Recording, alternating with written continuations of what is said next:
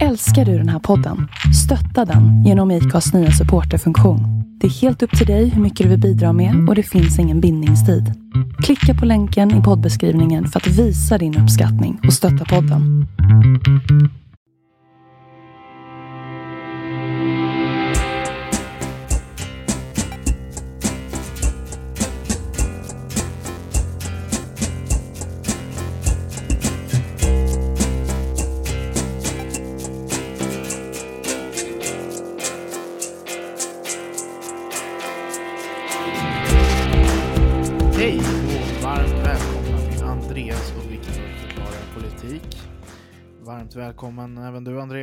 Tack så mycket Viktor.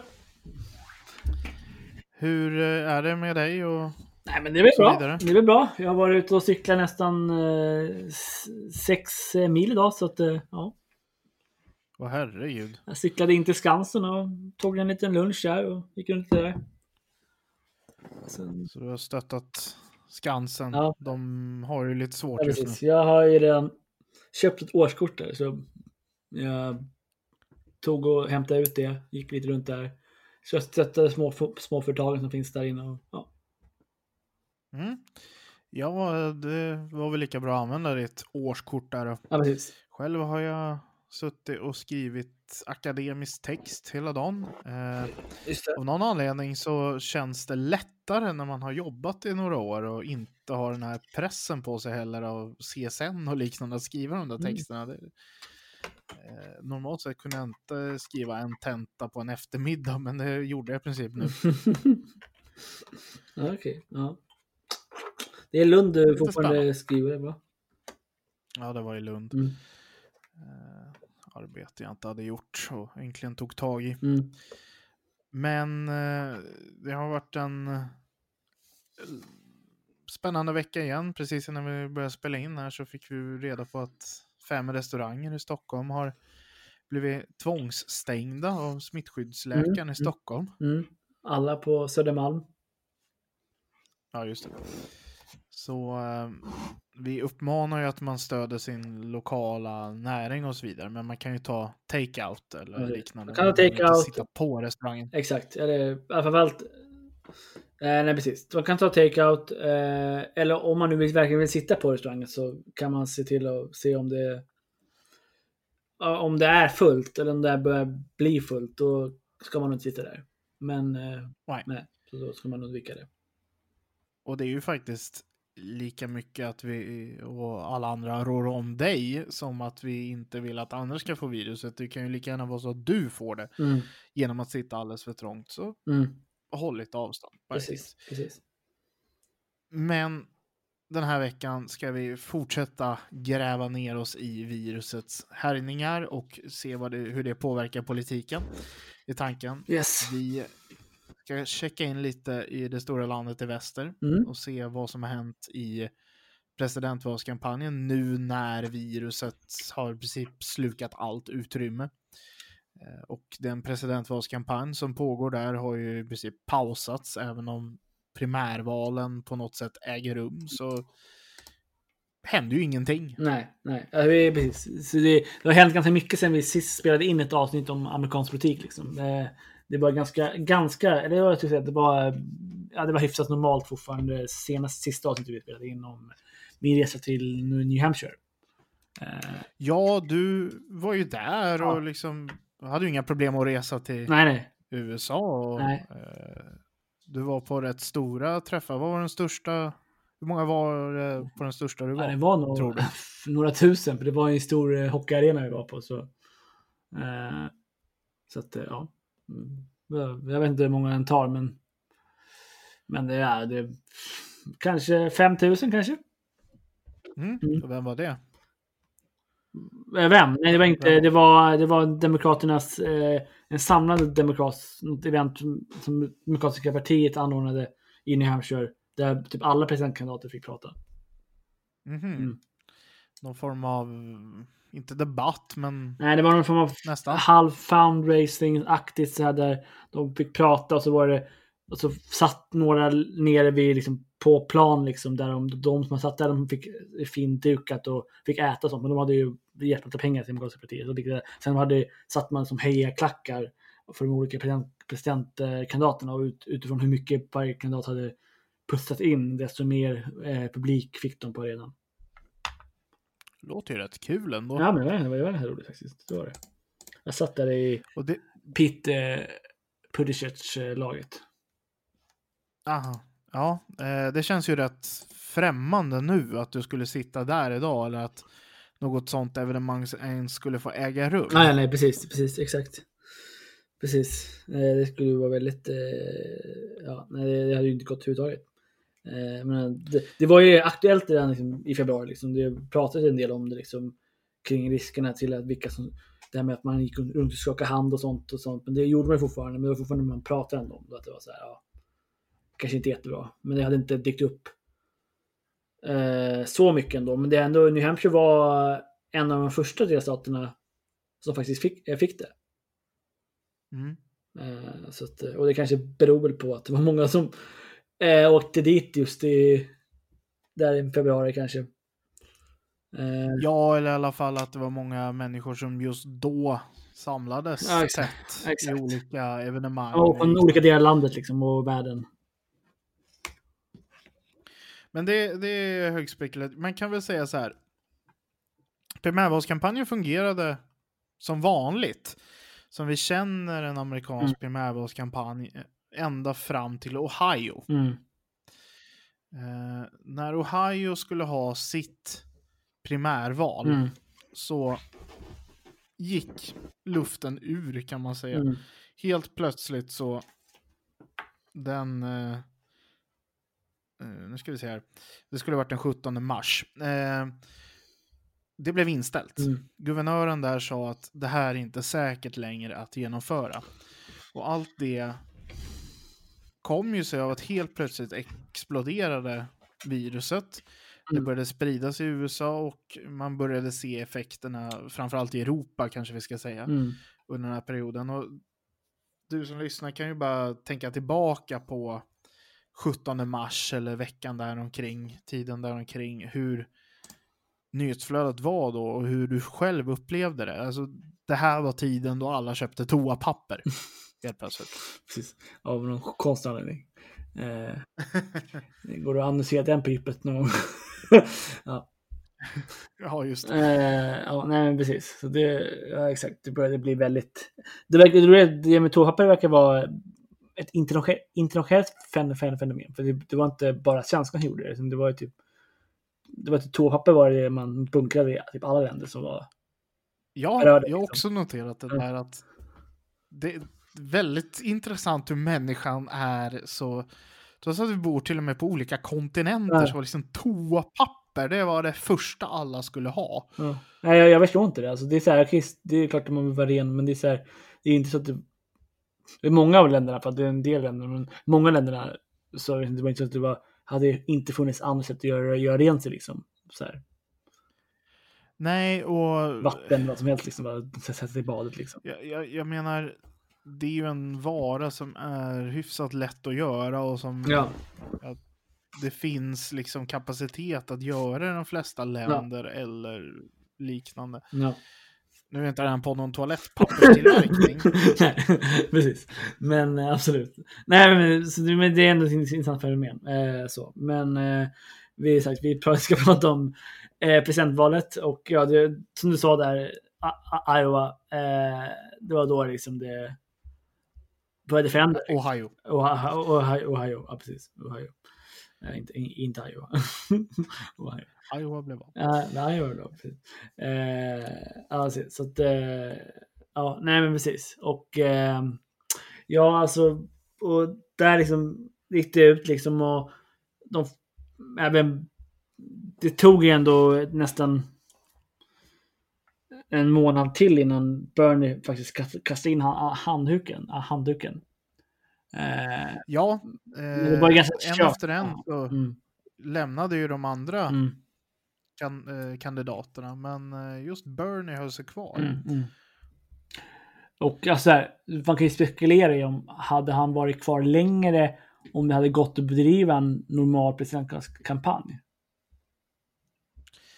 Eh, kanske. Han drog sig ur den 8 april. Ja, Eh, det känns jättelångt borta just nu. Trots att det är rätt nära. det är ganska nära. Det är fortfarande eh, april. Frågan är ju, hade han stannat kvar? Mm, För det här var den 17 mars mm, som valet blev inställt, eller snarare den 16 så gick guvernören ut och försökte stoppa det och fick igenom det genom högsta domstolen i Mm. O- Ohio. mm, Men den, hela den här perioden som blev däremellan, för helt plötsligt kunde ju inte kandidaterna vara ute och träffa folk. Nej. De kunde inte eh, hålla de här stora mötena som är så karaktäristiska för den amerikanska valrörelsen Ja. helt enkelt. Och framförallt för Bernie som verkligen brukar samla mycket folk. Liksom. Ja. Och då blir det svårt att samla in pengar. Ja. Det är ju möjligt, Mm. men du ska göra det på de här lite mer långsamma och svåra metoderna genom mail eller liksom försöka uppmana folk genom video. Mm.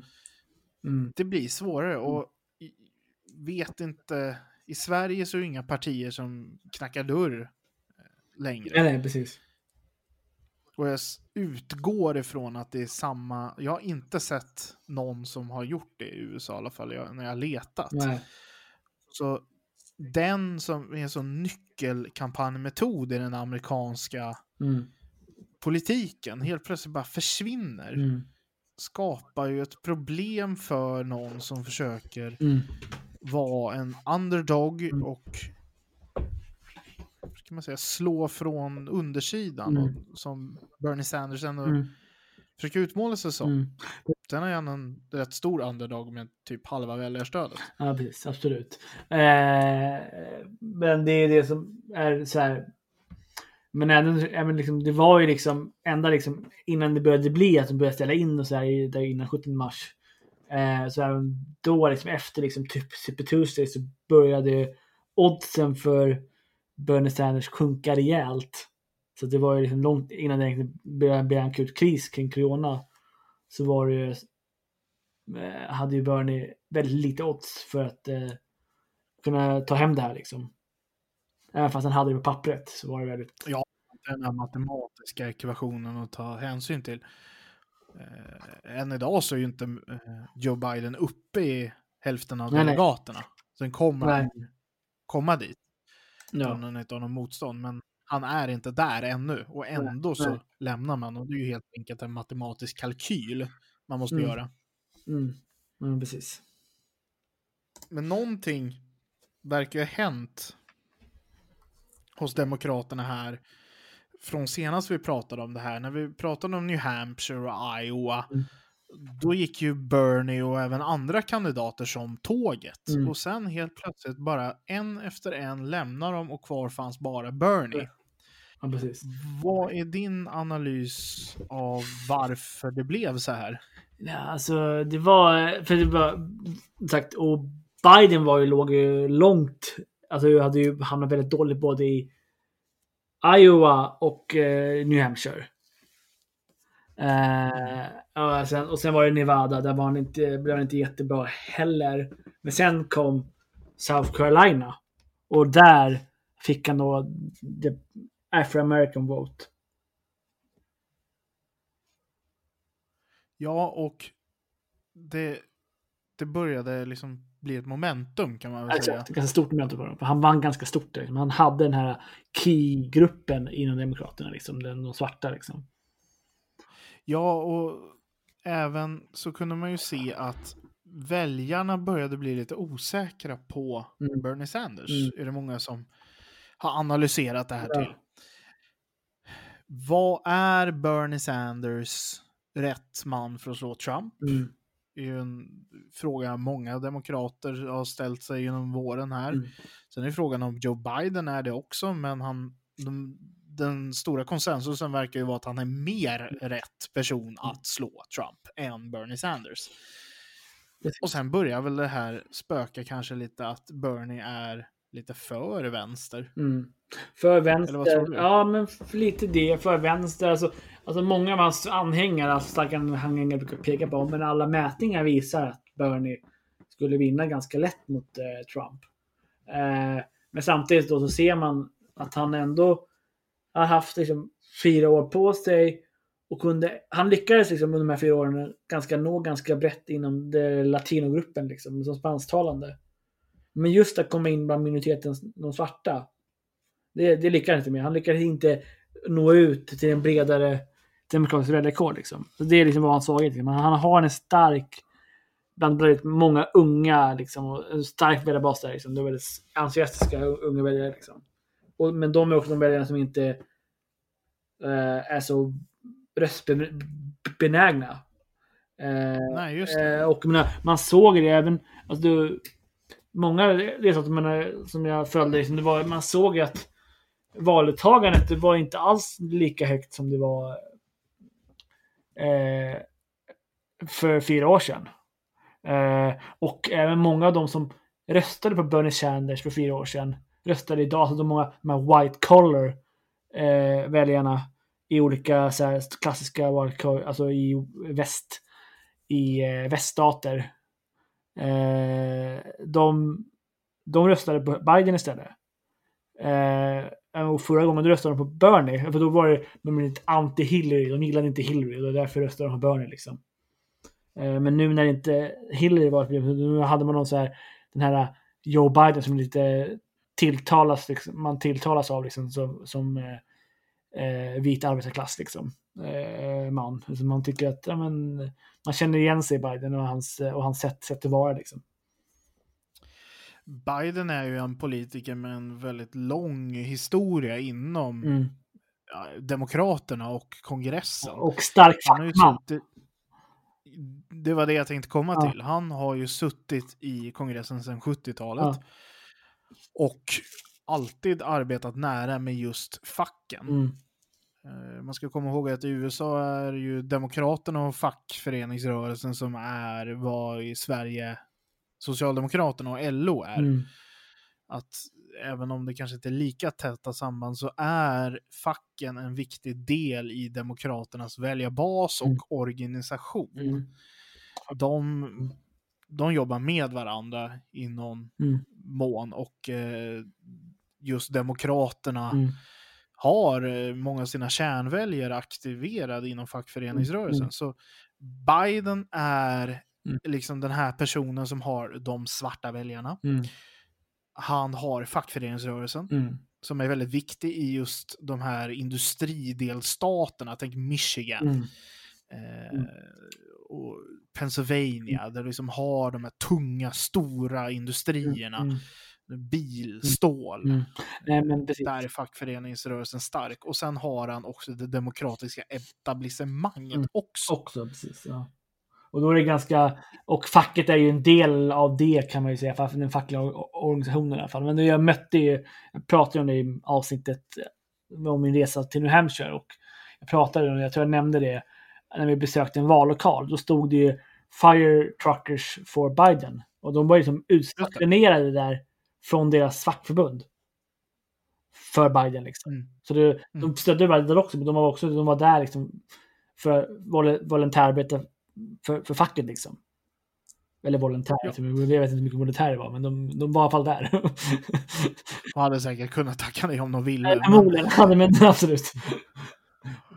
Men, men det här har ju varit en genomgående tema genom Bidens kampanj. Och när de andra kandidaterna en efter en trillade av och samtidigt stödde Biden så blev det liksom okej, det här är den som är den stora kandidaten mot Bernie Sanders kan man väl säga. Och då kunde ju de väljare som inte vill ha Bernie rösta på en person helt enkelt.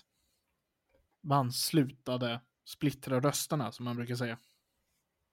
Mm. Och det, det är väl inte att förringa att eh, man eh, fick ihop den här alliansen kan man väl säga mellan de här tre storheterna. Mm.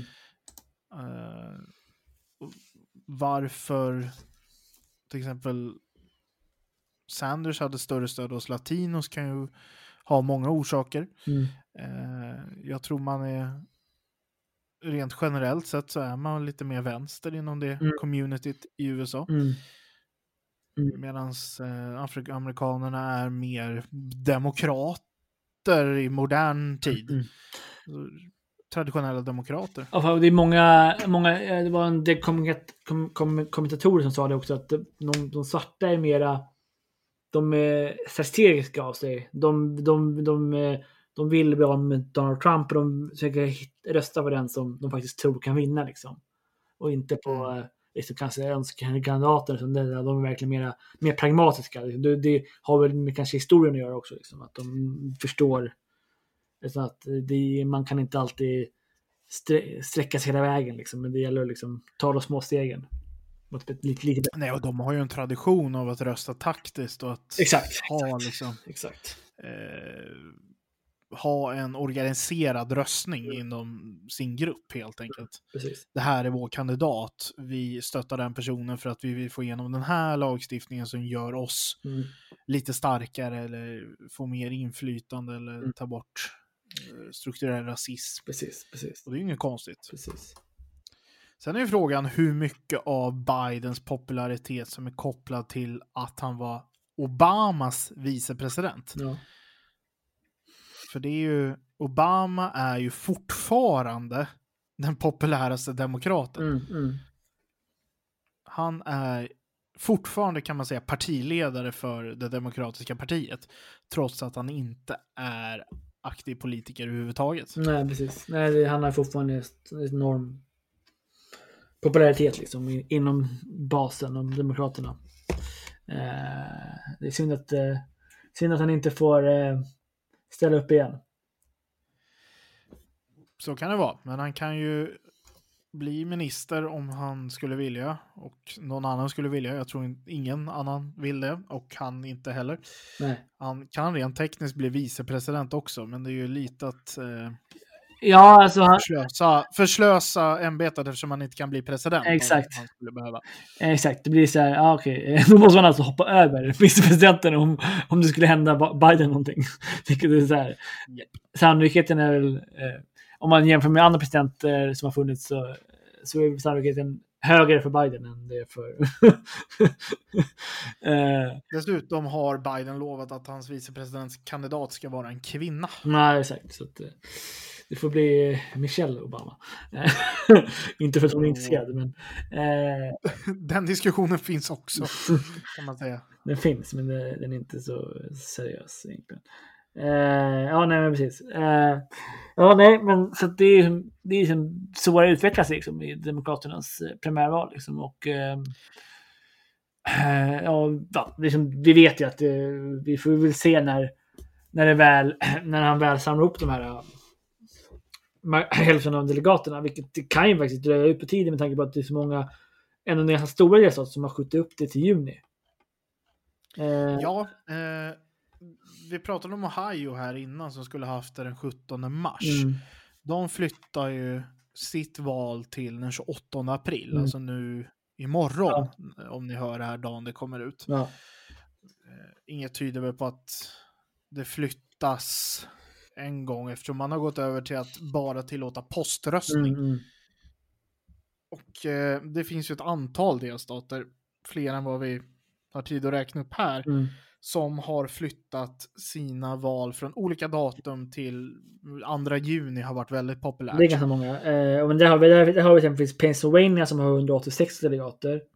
Och sen 9 juni har vi Georgia med 105. Och 23 har vi New York med 274. New Hampshire 20, eh, 7 juli 126. Så det är några stycken som har liksom över 100-talet ändå. Ja, och nu blir det den intressanta frågan. Vissa av de här delstaterna som har flyttat Mm.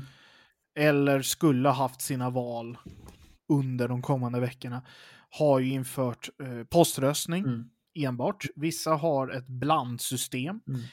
och vissa har ännu inte gått ut med hur man att man tänker ändra någonting utan än så länge är det traditionell röstning i vallokal som Mm. gäller. Det är ju upp då man ska komma ihåg att i USA är det ju så att varje delstat har sina egna vallagar. Mm. Primärvalen är ju någon form av hybrid också mellan en partiintern affär och en delstats ett delstatsval. Mm. Vilket gör det här lite komplicerat hur man väljer att göra i olika delstater och vad lag tillåter i olika delstater. Mm. Helt enkelt. Mm. Så där, och vissa delstater har ju bara semi-öppna primärval Mm. där eh, det är än mer att partiet är involverat, att man måste vara partimedlem på riktigt för att få vara med och rösta. Ja. Eh, Så det, det är ju... Och exempelvis New York har i sin lagstiftning att skulle alla kandidater försvinna ifrån, alla andra kandidater förutom Biden försvinna från valsidan, så skulle de också Mm. kunna ställa in sitt. Eh, Ja, och den, den här möjligheten, eller diskussionen uppkommer ju naturligt av det här. ja. Alltså, det är dumt att dra folk till en vallokal för att rösta i speciellt ett val som är avgjort redan. Mm. Måste vi ha det? Mm. Kan vi ställa in det? Ja. Vad tillåter vår lagstiftning i det här fallet också? Vad tillåter Demokraternas part- interna regler och partistadgar eller vad vi ska kalla det? Även de problemen uppstår ju och även här varierar ju delstat för delstat Mm. vad lagstiftningen tillåter. Jag tror att det kommer bli delstat som ställer in det. Mm. Jag tror det är många som kommer köra med poströstning och jag tror en del kommer bara liksom köra på och så är det en person som röstar på Joe Biden så är det klart. Mm. Mm. Ja, precis. Eh, ja, men precis. Så, exakt. Eh, och jag menar, det finns ju Puerto Rico igen. De har ju inte, de har ju skjutit upp sitt. De skulle ha sitt i slutet av mars. Och nu, står det, nu är det fortfarande oklart när de ska ha det. Och sådär. Och sen, Och det är ju deras enda chans att rösta i presidentvalet exakt, kan man säga. Exakt, exakt, exakt. Fast inte det spelar någon roll egentligen. Eh, men och och eh, till exempel eh, Ha- Hawaii, eh, de, eh, de ska ju ha sina var i, i maj va? Eller vad sa du? Eh, Eh, det borde det vara här. Nu ska jag ta fram min lilla lista. ja, här. det. 22, Eh, 22 maj, ja, precis. Och, men deras Mm. st- st- eh, delstatskonvent ska vara i- i början av eh, september. Vilket är alltså efter det nationella I alla konventet. fall som det ser ut just nu. Det, det, skulle, det nationella skulle ju vara någon gång i mitten av juli. Nu är det framflyttat till eh, augusti. Ja. Eh, det är fortfarande efter. Eh, så det är lite konstigt. Eh, jag vet inte ens hur, hur det går ihop. Om det, de, de utser, som, som, om man ska förklara lite mer, om, så jag tror inte riktigt jag pratade om det eh, tidigare poddar heller. Eh, primärvalen är ju utser man ju liksom bara hur delegaterna ska fördelas. Men däremot på, del, eh, på delstatskonventen väljer man ju vilka personer som är delegater. De faktiska delegaterna. Ja, exakt, exakt. Visst, nu kanske det finns på sätt i, i delstater exempelvis som Hawaii att eh, att, eh, att, att, att utse, för det man utser liksom utifrån eh, eh, varje kandidat har ju sina delegater utser liksom vilka de vill ska representera en. Och Då kan man ju tänka sig att de kanske gör det på annat sätt, att de får utse att, varje, att Biden får liksom bara, de utser bara liksom eh, de här personerna liksom. Eh, Mm. utan att ha något, och sen är det delstatskonventet tar hand om andra saker som eh, senatorsval och sånt och, och sådär. Eh, Ja, vi har ju också faktiskt det. Eh, de sakerna som kommer också. Att Ja. det ska både väljas i en, en tredjedel av senaten ska väljas om. Vi har hela huset. Ja. eh, Och sen har vi ett antal guvernörer, borgmästare, delstatslegislaturer, domare, sheriffer, skolstyrelser, domare, åklagare. Ja, vad väljer man inte i USA vill man ju ibland fråga sig. Det, det är mycket som väljs i november egentligen och det ska vara i många fall primärval för allt. Nej, här. exakt. I, mm, eller I vanliga fall i alla fall. Förmodligen. Mm. Eh, Men vi, jag tänkte så här att eh, vi har nu pratat om de primärval som skulle ha varit och som kommer vara. Eh, sist ut just nu är Connecticut eh, i augusti faktiskt. Så här, eh, normalt sett äger ju konventet rum i andra eller tredje veckan i juli. Mm. Men eh, Connecticut har flyttat sitt eh, primärval från den 28 april till den 11 augusti. Mm. Och då börjar man ju inse att eh, det kanske är så att också konventet är flyttat till eh, Mm. augusti. Och eh, så är det ju. Man har ju helt enkelt flyttat eh, båda partiernas konvent till augusti för att eh, man anser inte helt enkelt vara säkert att ha eh, konvent i juli. Nej. De här konventen är ju väldigt stora. Det är ju ofta NHL-arenor eller NBA-arenor, alltså stora, eh, stora, stora arenor som... Ja, Om väldigt bra är plattform att nå Sån City tog de säkert in. Ja. De chans att nå ut hela, hela nationen liksom.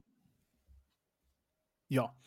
Eh, bara delegaterna är ju i Demokraterna Eh, ska vi se här hur många de är totalt. Än så länge är det 2415 tilldelade. Det ska Mm. alltså till eh, det är ungefär fy, nästan 4000 delegater. Mm. Sen har du alla andra som är där. Du har media, du har övrigt partifolk, du har intresserade och ofta utländska gäster. Det, är, alltså, det är nästan det är alltså 3979 pledge delegates. Men det är liksom bara de som är pledge delegates. Sen finns det super delegates också. Just det. Eh, så då, de är liksom, jag vet inte hur många de är, tusen kanske. Eh, eh, så det, det, de är ju liksom en ganska många. det. Det är väldigt mycket folk på en liten yta i en hel vecka, så kan man ju säga. Precis. Eh, Det är fel tid för det Ja, just precis. nu och därför har man flyttat konventen. precis. Men ett konvent måste ju hållas. Det, det, nu börjar de stora problemen här. För primärvalen är ju ett sätt att ta fram delegaterna egentligen. Mm. Och delegaterna blir ju bundna att rösta på sin kandidat i den första valomgången. Skulle det gå till fler valomgångar sen så ska ju det ske sådana och då får eller delegaterna rösta på vilken kandidat de vill. Men det är alltså konventet som utser presidentkandidat och vicepresidentkandidat. Mm. Vad gör man om konventet inte kan hållas? Ja, jo, det är en bra fråga. Du Förmodligen måste ha så... konvent för att ha en presidentkandidat. Ja, men precis. Så att, eh, alltså, de får ha, eh, de får ha kommendet över Zoom. 4 000 personer ska rösta. Woo, vad det? Stäng av mikrofonen! An- man, man hittar nog en kreativ lösning för det. men Antagligen någon form av poströstning kanske. eller Om det liksom något. behövs, om de känner att de inte, fortfarande inte, inte kan samlas i, eh, i, i augusti. Vilket är en stor chans att de inte kan. Ja.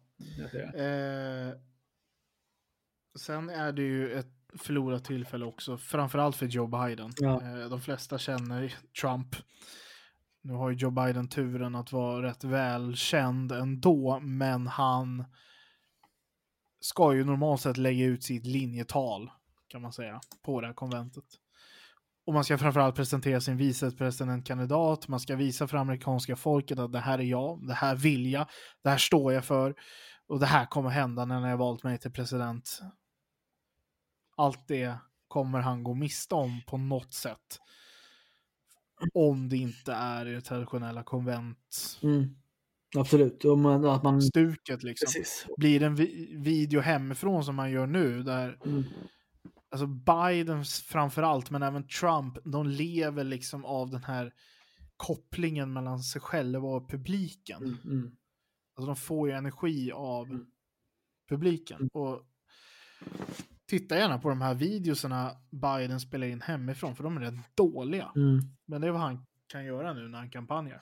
Medan Trump står och mässar i Vita husets pressrum om ja, injicera pantsprit i blodet. Eh, podden rekommenderar inte det. Nej, idé. Eh, eh, nej, men precis. Eh, nej, men det är... Det är formatet där. Eh, jag kollar Republikanernas eh, nationella konvent. Det, det ska vara den 24 till 27 augusti nu. Mm. Eh, och det är by tradition, the, because Republican current hold the White House, their convention will, will be held after the Democratic National Convention, which is scheduled to... So, so, okay. Så på grund av att... Eh, Ja. Man har en turordning där Ja, eh, mellan partierna. Helt logiskt. Fick ni en liten fun fact från Andreas där också? Precis. Eh, den 17 mars, det var då Donald Trump officiellt fick majoriteten av de delegaterna han behöver för att bli, bli presidentkandidat igen. Mm. Och, och i Republikanerna har man bara ställt in primärvalet. Ja, exakt. För nu, nu har han ju fått, nu har han ju fått majoritet så behöver inte rösta längre. Eh, och han har eh, också tidigare sagt att eh, vice president eh, Mike Pence kommer vara hans run, run, running mate också. Vad skönt för Mike. Ja. Jag vet inte om det är skönt om det Sen kan vi avsluta här med den stora frågan som alla ställer sig. mm. Kan presidentvalet genomföras då? Det är november. Ja, eh, jag tror inte ens att det kan bli... Jag tror inte ens att det kan bli, eh, bli inställt. Exakt. Eh, Det finns lite olika skäl till att vi redan, vi är väldigt tvärsäkra på att vi kan säga att valet kommer ske. Dels för att USA har alltid hållit sina presidentval när de ska ske. Sen eh, landets födelse. Och då har man gått igenom eh, inbördeskrig och eh, världskrig och liknande. Eh, och ändå lyckats hålla Ja. presidentvalen Men undantaget då att när de ska hållas. bara undantaget då att sy- sydstaterna inte var med och röstade under in- inbördeskriget. Men de höll sina eg- egna val, men de var inte med och röstade i, i, i, i det amerikanska valet.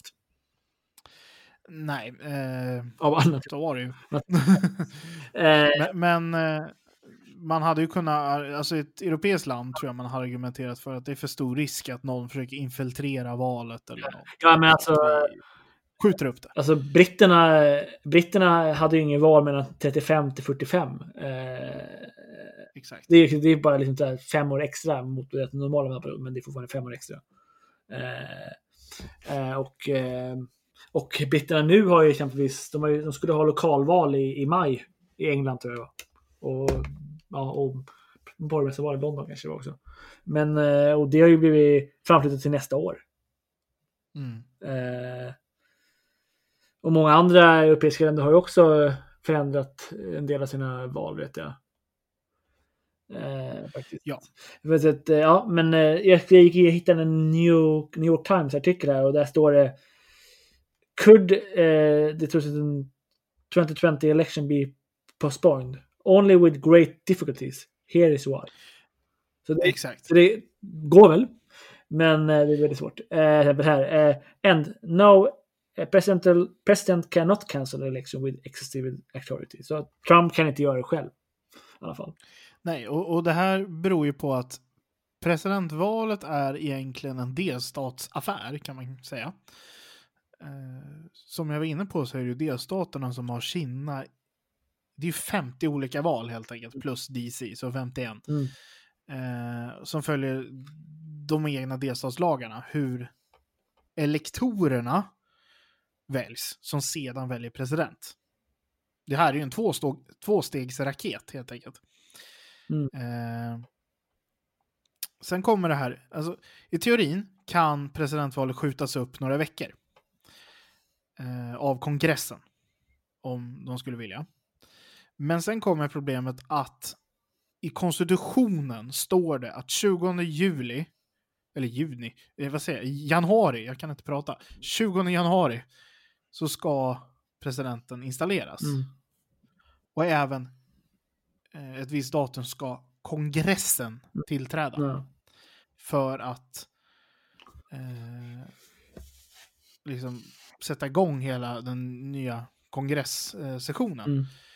Det är alltså så att det, det krävs en viss tid här emellan. Mm. Eh, just, vi pratade om elektorerna. De, eh, ska ju faktiskt avlägga sina röster och sen ska de läsas upp i senaten och valideras kan man säga. Så det går inte att flytta mer än några veckor. Nej. Kanske mot slutet av november kan du ha valet. Mm. Men sen tar tiden slut som det är möjligt. Demok- alltså, Demokraterna har några egna regler kring det här med primärvalen. Och, och alla, egentligen så måste alla val ske innan den 9 juni. Nu är Jaha, eh, Connecticut Ja, har hittat på något det är eget. ganska många som är, nu är det ganska många som är ju, New York är också efter 9 så att det här är New York Times-artikeln, eh, när skrev jag den? Den skrev jag någon gång i ja, den 14 mars. Så att det, det var precis innan det började braka loss. Eh, så, att, eh, så att det har förmodligen de har förmodligen fått dispens om man säger så. Eh, Ja. eh, här har vi någonting. Eh, the date of the general elections is set by federal law and has been fixed since 1845. It, Exakt. it would take a change in federal law to move the, that date. That would mean Ja. legislation enacted by Congress, signed by President and subject to challenge in court. Så, Exakt, och det var det jag gick igenom. Kongressen kan flytta valdatumet några veckor, men sen träder liksom den här det, reglerna som konstitutionen har men det kan när bli, en ny kongress tillträder. men det kan fortfarande bli subject to challenge in court eh, oavsett vilken ändring man gör. Det kan fortfarande bli att man kan överklaga ett kongressbeslut att förskjuta valet. Ja, så är det alltid. Ja, ja så är Det det. Så är det men, eh, så, Men vad jag ville komma till också var att eh, vill du på riktigt flytta valdatumet eller ställa in det så kommer det krävas en konstitutionell ändring. ja, ja, precis, precis. Och eh, det är inget som görs i en handvändning. Nej, Och det inkluderar att eh, eh, representanthuset, senaten måste rösta ja till den föreslagna ändringen. Presidenten måste skriva under den föreslagna ändringen. Sen ska 38 delstatskongresser ratificera ändringen. Då blir det ett tillägg till konstitutionen. Ja, så det skulle så, alltså, eh, behöva bli det mest rekord beroende på när man börjar, börjar, liksom, börjar skriva på lagen. Eh, skulle bli det mest rekord, eh, rekordgivna liksom, eh, lag, förändringar av konstitutionen någonsin om det skulle bli aktuellt. Ja, det eh, har, eh, nu ska vi se här. Det finns ju ett antal eh, amendment, det ligger sex stycken just nu ute för ratificering. Eh, vi ska, ett här är från 1923. Eh, vi har eh, 1924. Vi ska se här. 1789 Mm. är det äldsta ifrån. Mm. Det alltså finns ett lagförslag från 1789 som inte har Ja. gått igenom alla delstatskongresser. Men numera så finns det ju, eller precis i början av eh, USAs eh, eh, existens så fanns det ju liksom ingen, eh, satt man aldrig någon tidsgräns på eh, när, när, på sådana där saker. Men de moderna ratificeringarna, då har man också satt en tidsgräns på dem. Så att, eh, så att då har de liksom, om de Mm. inte har blivit eh, raffinerade in, inom en viss tidsram så faller de. Och det är väl rimligt Ja, kan man ju tycka. ja, tycka. Man inte har saker från 1700-talet som ligger och skvalpar runt. Precis. Eller ja, Precis. om 200 år har vi saker som är moderna. Precis. Eh, so what about the procedures for voting in the November elections? Eh, så ja, vänta. Eh, alltså själva proce- proce- processen är ju oftast, är ju generellt kontrollerat på delstatsnivå. Som vi vet. Mm. Eh, och eh, alltså det, det, det är väldigt komplicerade liksom, massa saker som eh, re- regleras på olika delstater. Så det är många, en del så, eh, tillåter ju early eh, tidig röstning eller ab- abstention voting. Eh, andra eh, har för permitting voting by mail or same day. Så det är så här. Det är väldigt mycket som skulle, väldigt många delstater som skulle liksom behöva kolla igenom sin, så de, de skulle ju kunna eh, ändra sin, eh, sin, sin röstningsprocess liksom. Att det bara blir Ja. eh, mail-in vo- voting. Exempelvis. Exakt. Så det, det, det skulle ju gå. Eh, Men då måste, då måste många, då måste de ändra, ändra, ändra sina regler. Så att, men det kan de göra i alla fall. Eh, på det, japp. så, det går att göra. Eh, ja.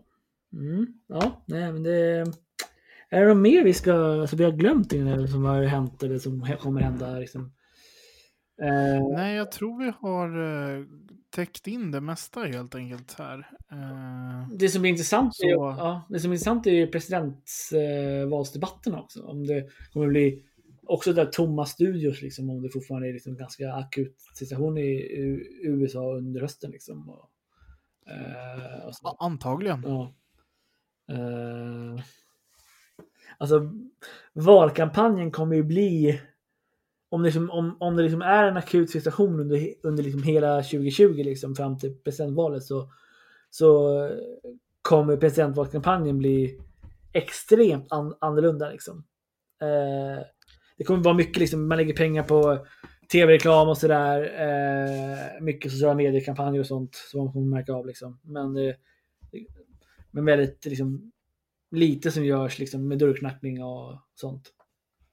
Mm.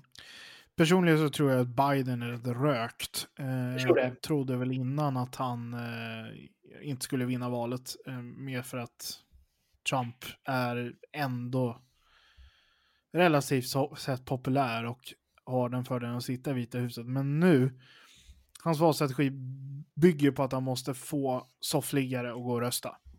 Mm. Och det gör det ju också för Trump. Ja. Alltså den som får flest soffliggare att rösta vinner.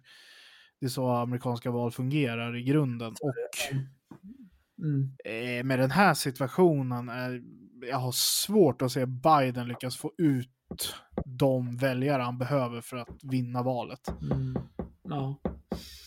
ja, jag vet inte. Ja, Jag hoppas jag har fel. Ja. Jag säger rakt ut. ja men, det hoppas jag också att du har. Eh, vad jag själv tror, ja, det, alltså jag, har väl, jag, har väl, jag har varit jag vill inte ha för höga förväntningar så jag har väl eh, sagt hela tiden att, eh, att Trump kommer vinna. Så bara för att, ja. Du ställer in det på det. Ja, istället. det är så att, eh,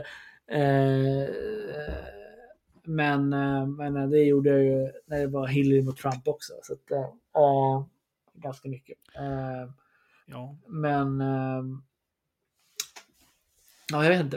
Eh, det, ja, nej, det är väl förmodligen han som vinner igen. även Fast hans, eh, hans siffror har ju förbättrats lite, men de ligger kanske inte så bra som de eh, eh,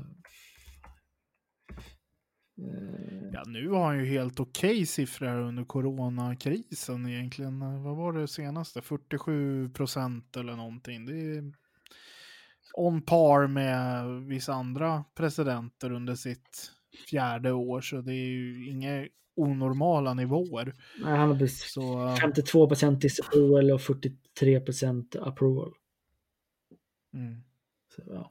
Så det är ju inga goda chanser för Trump att bli omvald helt enkelt. Men eh, ska vi runda av där för den här veckan? Jo, men det tycker jag. Det verkar ju som bra. Eh, ja, då får vi säga att eh, följ oss där poddar finns. Gå in på vår Facebook, kommentera, eh, önska, önska vad vi ska prata om. Så slipper vi själva bara komma på saker hela tiden, men eh, så vi kan veta vad lyssnarna vill, vill höra, vad vi, vad vi, spekulerar om, om också. Eller spekulerar om, eller har, har läst på om. Har någon intervju kanske vi ska göra? Ja, alltså kom med idéer eller Mm. känner ni själva någon som, eller är någon som vore intressant att intervjua så Mm. hör gärna av er så Mm. ska vi nog gärna, ja nu kan vi göra över distans till och med. Precis, ja, precis, exakt. Eh, så ja, nej men eh, vi får se. Men ja, då, du får en bra vecka Viktor.